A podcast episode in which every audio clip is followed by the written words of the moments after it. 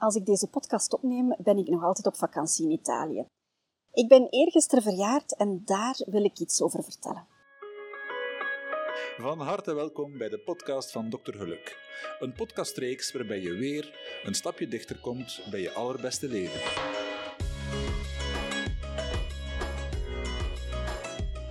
Ik zit momenteel aan de oever van de Mera-rivier, niet ver van het Como-meer. De rest van mijn gezin is vertrokken voor een canyoning. Ik hou niet van zoveel avontuur. Dat is te veel gedoe voor mij met die nauwe pakken, dat onder water gaan en al die risico's. En vroeger zou ik daar heel veel spanning over gehad hebben. Hè? Kan ik dat wel maken om niet mee te gaan? Wat gaan ze wel denken van mij? En als ik wel zou meegaan, dan zou ik al dagen op voorhand in de stress zitten. Hoe gaat dat gaan? Ga ik dat wel aankunnen? Ga ik wel sportief genoeg zijn daarvoor? Wat als er iets misgaat? Hè? En ook dat is ouder worden. Je minder aantrekken wat anderen denken en jezelf beter en beter leren kennen. Weten wat werkt en wat niet werkt voor jou. Ik heb gisteravond ook laten weten dat ik mij voor een tijdje terugtrek van Instagram en Facebook. Dat is wat afkicken voor mij, want ik doe dat eigenlijk wel graag. Elke morgen zoek ik wat filmpjes om op Instagram te zetten. Ik zet daar dan een boodschap bij. Ik probeer dan te inspireren voor dat allerbeste leven dat jij ook kan hebben. Maar natuurlijk, ik doe dat altijd s'morgens. Ik zet dat niet graag op voorhand klaar. Ik zou dat ook kunnen plannen. Ik zou dat ook een maand vooruit kunnen plannen, dat allemaal klaarzetten. Maar dat wil ik niet doen. Ik wil weten wat er die dag bij mij past. En dus elke morgen zet ik dat eigenlijk klaar. Dat maakt dat mijn ochtendroutine daardoor enigszins bepaald wordt. Hè. Ik wil s morgens gaan wandelen met de hond. Ik wil wat mediteren. Ik wil wat opschrijven in mijn dagboek. Ik wil mijn intenties klaarzetten. Maar ik ben natuurlijk al eventjes met Instagram bezig. Dus nu heb ik dat eventjes on hold gezet. Ik ga zien of ik dat kan gewoon worden. Ik ga ook zien hoe lang ik dat ga doen. Hoe lang ik dat ga volhouden. Het is ook de bedoeling dat ik na deze vakantie, als we allemaal terug thuis zijn, dat ik dan terug ga verder schrijven aan mijn roman. De kinderen zijn allemaal bij de andere ouderen. Johanna gaat met haar papa op reis. De kinderen van mijn lief die gaan met hun mama op reis. Mijn lief moet terug gaan werken, dus dat wil zeggen dat ik eigenlijk alle tijd heb voor mezelf om te gaan schrijven. We hebben een camper, daar is een keukentje in, daar is een wasbakje in, daar is een bed in. Ik kan daarmee rondtrekken en ik kan overdag eigenlijk schrijven zoveel ik wil, ongestoord. En dan wil ik ook die dag niet laten verstoren door mijn social media. Nu, die roman, dat is een meerjarenplan. Ik ben er al lang aan bezig. Maar ik kan eigenlijk alleen maar goed schrijven als ik volledig in de flow zit. En meestal moet ik dat eerst wat gewoon worden. En pas na de tweede, derde dag komt dat goed op gang. En dan moet ik natuurlijk ook zien dat ik dat kan volhouden. Dat ik niet direct moet stoppen, omdat er iets anders staat te gebeuren. Dus dat is mijn plan voor de komende twee weken, als we terug zijn uit Italië. Maar nu deze week is het nog familietijd. En zoals elk jaar ben ik ook dit jaar verjaard in het buitenland. Ik denk dat ik in totaal al minimum 30 keer in Italië verjaard ben. Wat natuurlijk heel plezant is. En sinds vorig jaar zit ik op Facebook. Ik heb vorig jaar dat Facebook-account gemaakt.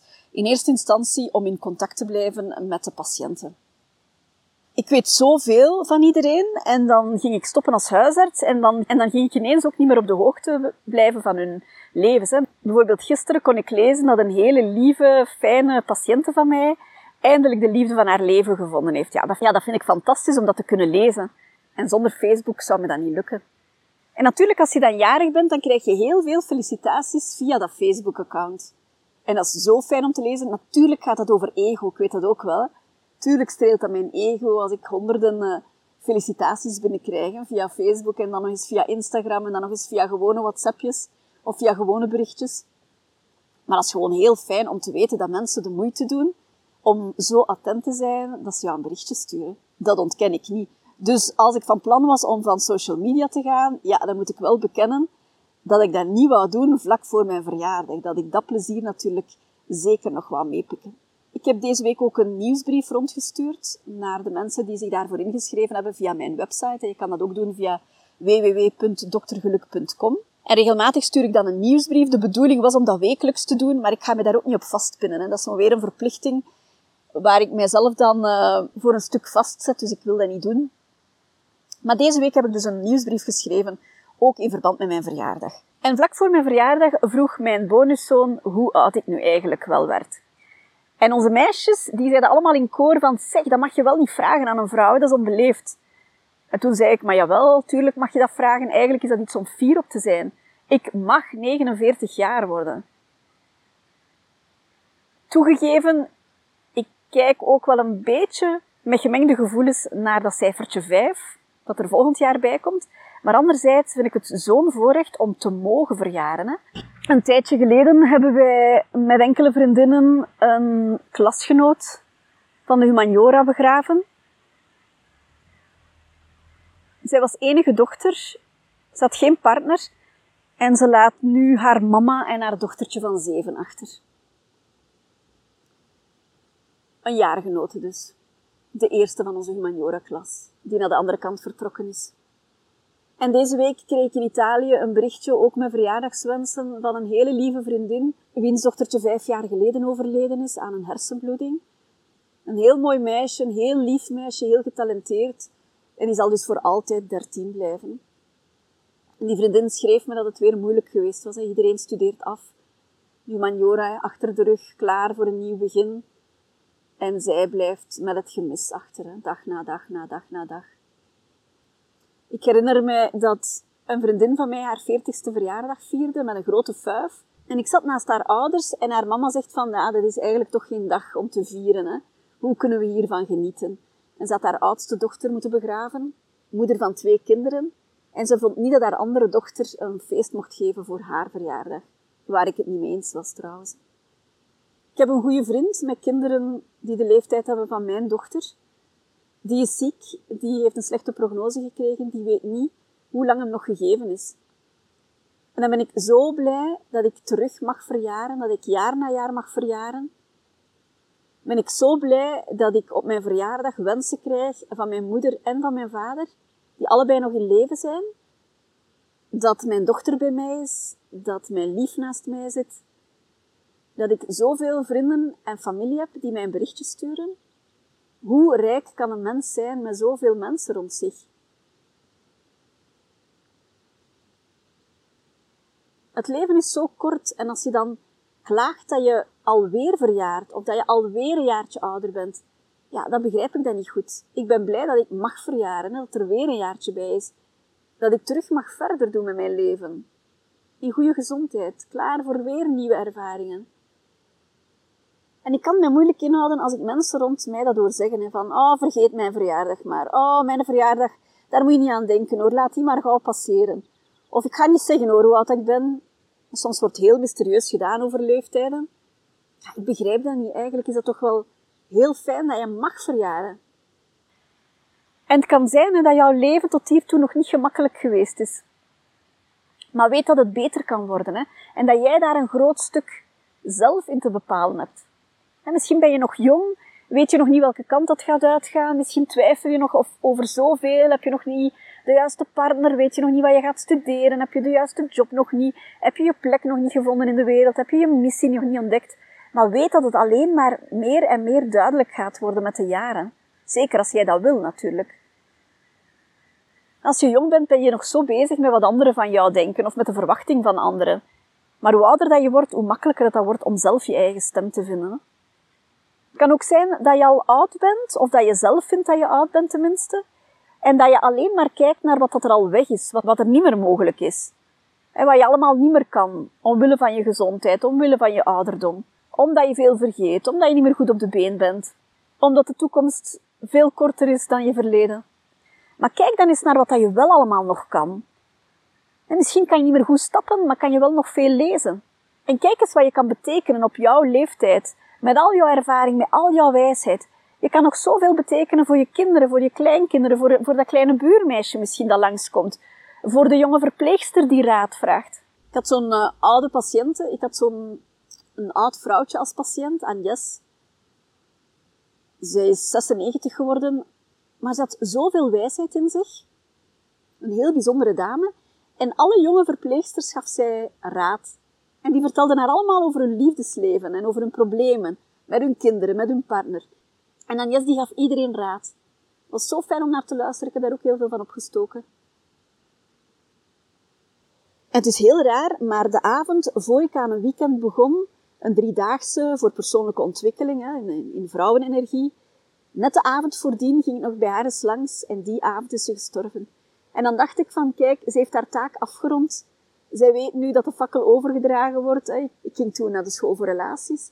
En het was bijna symbolisch dat ze de avond voordien gestorven is. Alsof zij haar taak had volbracht. Zo voelde dat aan. En ze kwam niet meer buiten, ze had heel veel lichamelijke klachten, maar toch betekende zij nog veel. Door haar ervaring, door haar wijsheid. Dat is trouwens ook een van mijn doelen, of een van mijn wensen, dat ik later als oud vrouwtje nog veel kan betekenen voor de jeugd, of voor mijn kleinkinderen, of voor jonge mensen die mijn raad kunnen gebruiken. En ik heb het al vaak gezegd, maar vanaf mijn veertigste lijkt alles precies gemakkelijker te gaan. Het is te zeggen, alles lijkt meer en meer te kloppen. Hoe ouder ik word, hoe beter het wordt. En dat is niet dat er minder problemen zouden zijn of dat ik uh, fysiek beter ben. Ik denk niet dat het dat is, maar vooral dat ik mijzelf beter en beter leer kennen en dat ik minder en minder inzit met wat de rest van mij denkt. Dat ik jaar na jaar een wikkeltje afgooi, als het ware een uischil afpel om, om dichter en dichter bij de kern te komen. Dichter en dichter bij mezelf te komen, van, bij wie ik wil zijn. Ik heb dat al vaak gezegd, maar hoe ouder ik word, hoe makkelijker dat mijn leven lijkt te lopen. En dat is niet dat er geen problemen meer opduiken of zo, helemaal niet. Maar het lijkt allemaal meer te kloppen. Of ik heb ergens een soort richtingaanwijzer ontdekt, een soort innerlijk kompas ontdekt, waardoor dat ik veel makkelijker beslissingen kan nemen die kloppen met wat ik echt wil. En dat heeft te maken met minder na te denken over wat anderen denken of wat anderen verwachten. En zeker ook met te luisteren naar wat ik zelf wil. En dat luisteren, dat kan je misschien niet meteen, maar dat kan je wel als je er de tijd voor gaat nemen en als je er de stilte voor maakt. Je weet dat ik er vaak alleen op uittrek, dat ik vaak alleen, dat ik regelmatig alleen op reis ga. Wel, voor mij is dat ideaal om naar mijn innerlijke stem te luisteren en om mijn intuïtie beter aan te voelen. In het geroezemoes van het dagelijkse leven, daar is het veel moeilijker om je intuïtie te volgen. Daar is zoveel achtergrondruis. Het is maar als je de stilte opzoekt en als je de invloeden van buitenaf niet meer hebt, dat je echt kan voelen wat je wil. Dus ik blijf erbij, ga eens alleen op reis. En, en als jou dat afschrikt, ga eens alleen naar zee, ga eens alleen naar het bos. Begin met een paar uurtjes. Begin desnoods met een uurtje. En dat kan heel onwennig aanvoelen, maar het gaat beter en beter lukken. En hoe langer dat je alleen bent, hoe onrustiger dat je misschien aanvankelijk bent, maar hoe meer dat er dingen naar boven gaan komen drijven. Hè? Dingen die je al heel lang onderdrukt hebt, maar die dan ineens de kans krijgen om zich te tonen. En dat zijn misschien dingen die jou afschrikken, omdat je belangrijke beslissingen zal moeten nemen. En misschien komt er iets tevoorschijn wat je liever niet had gezien. Het kan zijn dat het heel duidelijk wordt dat je een andere richting moet inslaan. Wat jouw relatie betreft, wat jouw job betreft. Of je al of niet moet verhuizen, of je al of niet kinderen wilt, of je al of niet nog een kind wil. Maar heel vaak leven we het leven dat anderen van ons verwachten, of dat de maatschappij van ons verwacht. Ik ga jou een paar inzichten geven die voor mij het verschil gemaakt hebben, zeker de laatste jaren. Het eerste daarvan is eerlijkheid. Eerlijkheid is altijd het makkelijkste. Als je niet eerlijk bent, dan kruipt daar zoveel energie in om je anders voor te doen, om te weten welke leugens dat je wel verkondigd hebt, om jezelf in de spiegel te kunnen blijven kijken. En die kostprijs van, van oneerlijkheid, de kostprijs van bedrog, die is zo hoog. Je kan daar vriendschappen mee op het spel zetten, je kan daar relaties mee kapot doen gaan. Doe dat niet. Ik heb met mezelf afgesproken om eerlijk te zijn en dat hangt samen met trouw zijn aan mezelf. En dat is zo'n makkelijke leidraad. Dat is niet altijd zo geweest, maar dat was geen makkelijk leven toen. En weet je, je maakt er altijd een verhaal van. Hè? Je bent dan mild voor jezelf en je, en je denkt dan dat dat op dat moment het beste is, maar dat is niet zo. Een ander belangrijk inzicht, dat is dat het niet perfect hoeft te zijn. Je kan heel lang wachten om iets te doen, of om iets te tonen, of om iets te verwezenlijken, of om buiten te komen tot het perfect is. Maar dat is het nooit. En vroeg of laat val je toch door de mand. Zelfs al heb je zoveel moeite gedaan om die perfectie te benaderen, dat lukt niet. Dat lukt niet bij iemand anders en dat lukt zeker niet bij jezelf. En bij iemand anders vind je het niet zo erg. Bij iemand anders zie je dat allemaal door de vingers en weet je dat dat onmogelijk is, dat dat onhaalbaar is. Maar voor jezelf ben je zo streng, doe dat niet. Trouwens, het maakt je ook menselijk. En het is veel, veel minder vermoeiend. Je kan fouten maken, maar je kan eruit leren. Je kan vallen, maar je kan terug recht krabbelen. Je kan mislukken, maar je kan de les eruit trekken. En het volgende keer beter doen. Met die nieuwe ervaring. En weet je, het hoeft niet perfect te zijn als je maar je best doet. Dat is wat we tegen onze kinderen zeggen, maar probeer dat ook eens tegen jezelf te zeggen. Heb je je best gedaan? Oké, dan is het goed.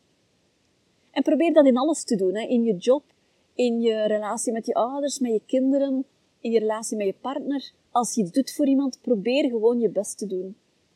Ontdekking van het belang van kwetsbaarheid vind ik ook frappant. Ik heb jaren alleen gewoond. Ik was, daar, ik was toen heel fier dat ik alles alleen kon. Maar dat was onterecht, want er was helemaal niks om fier op te zijn.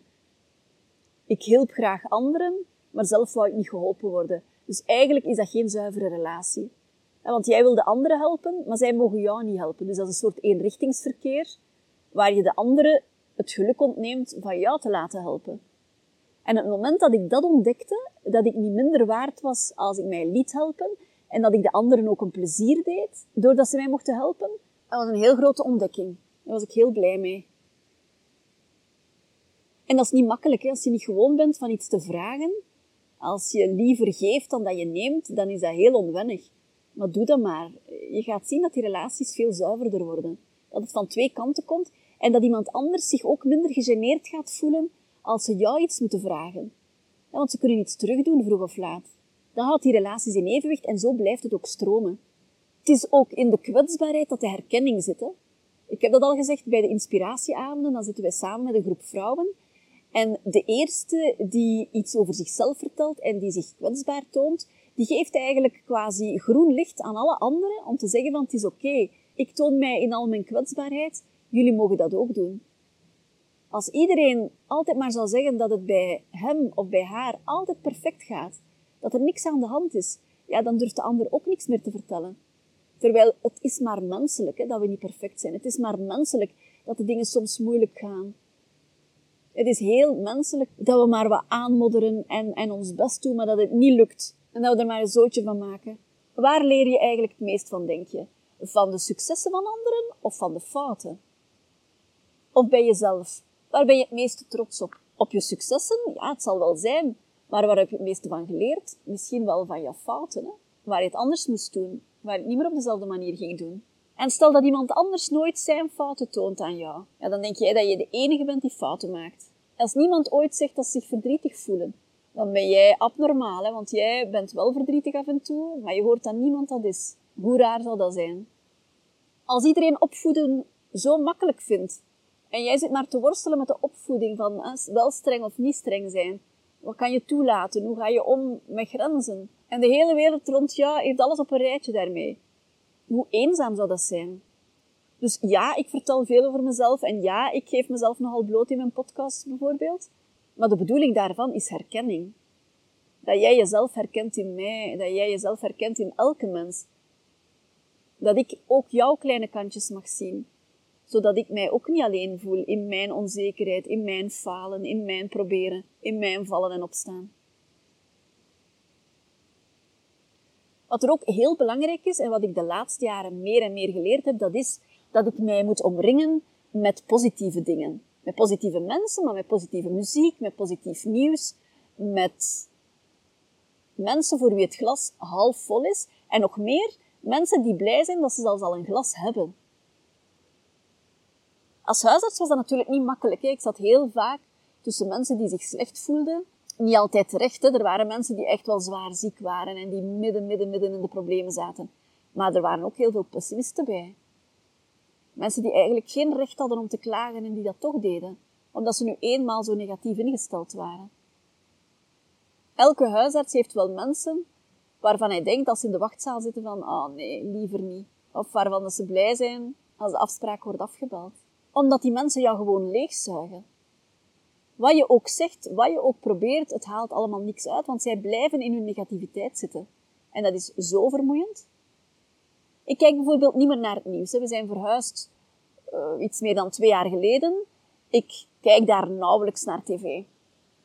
Misschien wel eens een familieprogramma met het hele gezin op vrijdagavond. Maar voor de rest, ik kijk niet naar het journaal bijvoorbeeld. Ik luister naar het journaal op de radio, ook niet elke keer.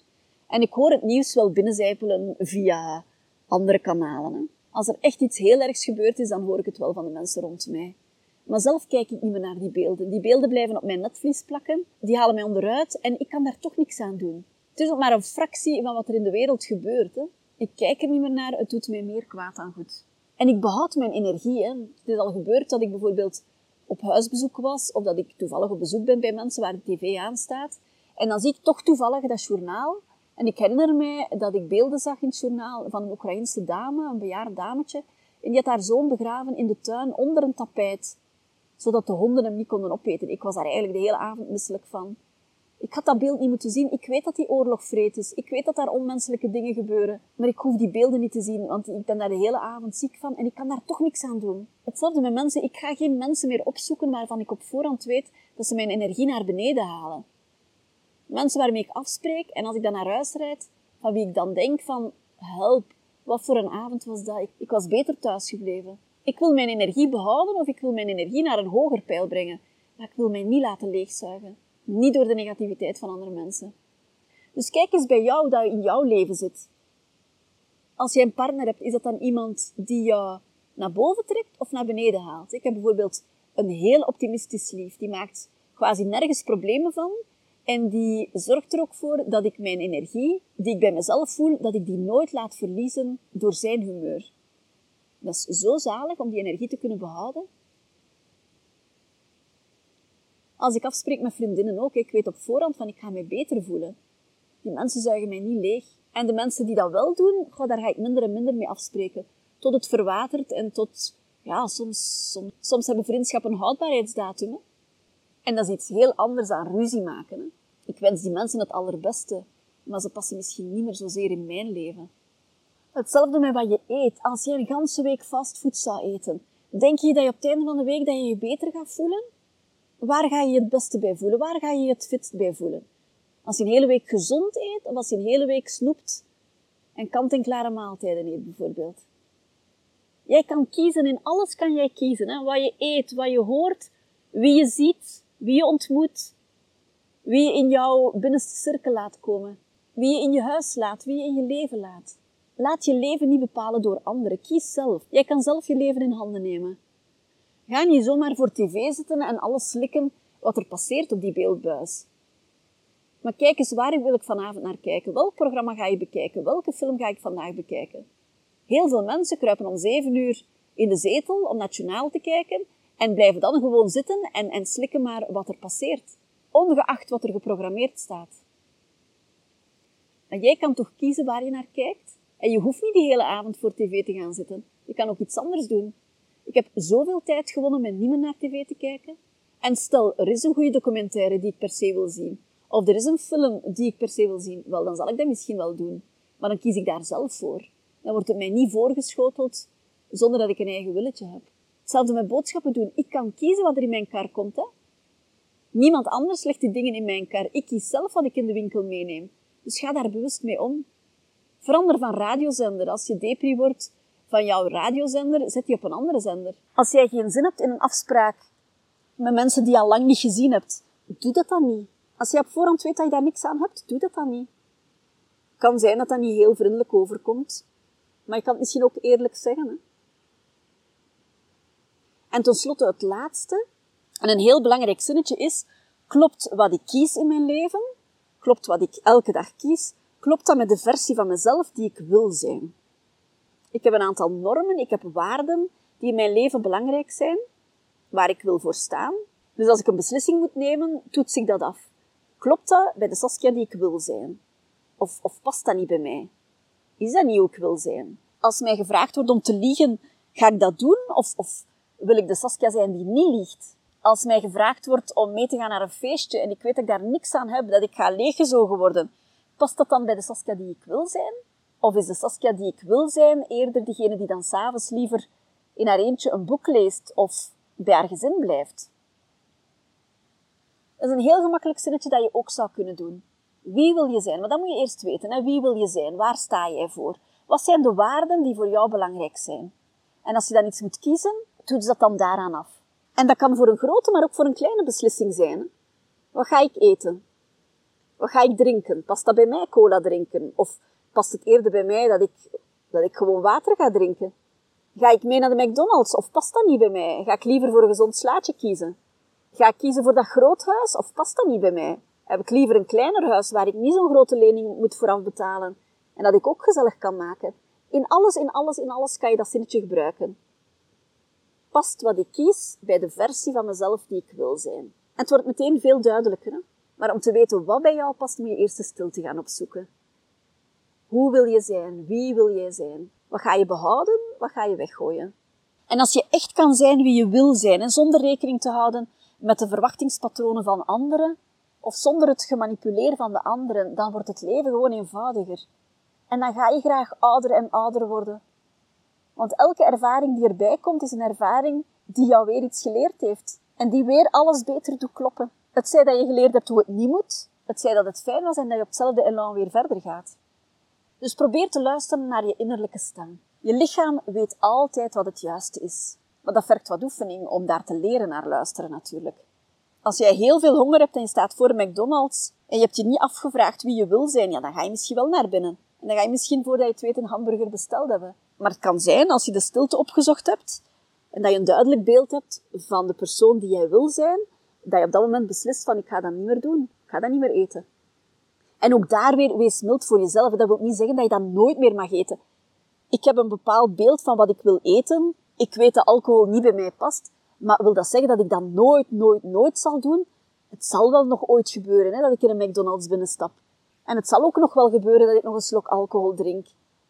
Dus wees daar niet te streng of te fanatiek in voor jezelf. Als jij jezelf gaat veroordelen, dan ga je ook altijd heel hard zijn voor de anderen. En dat is ook de bedoeling niet.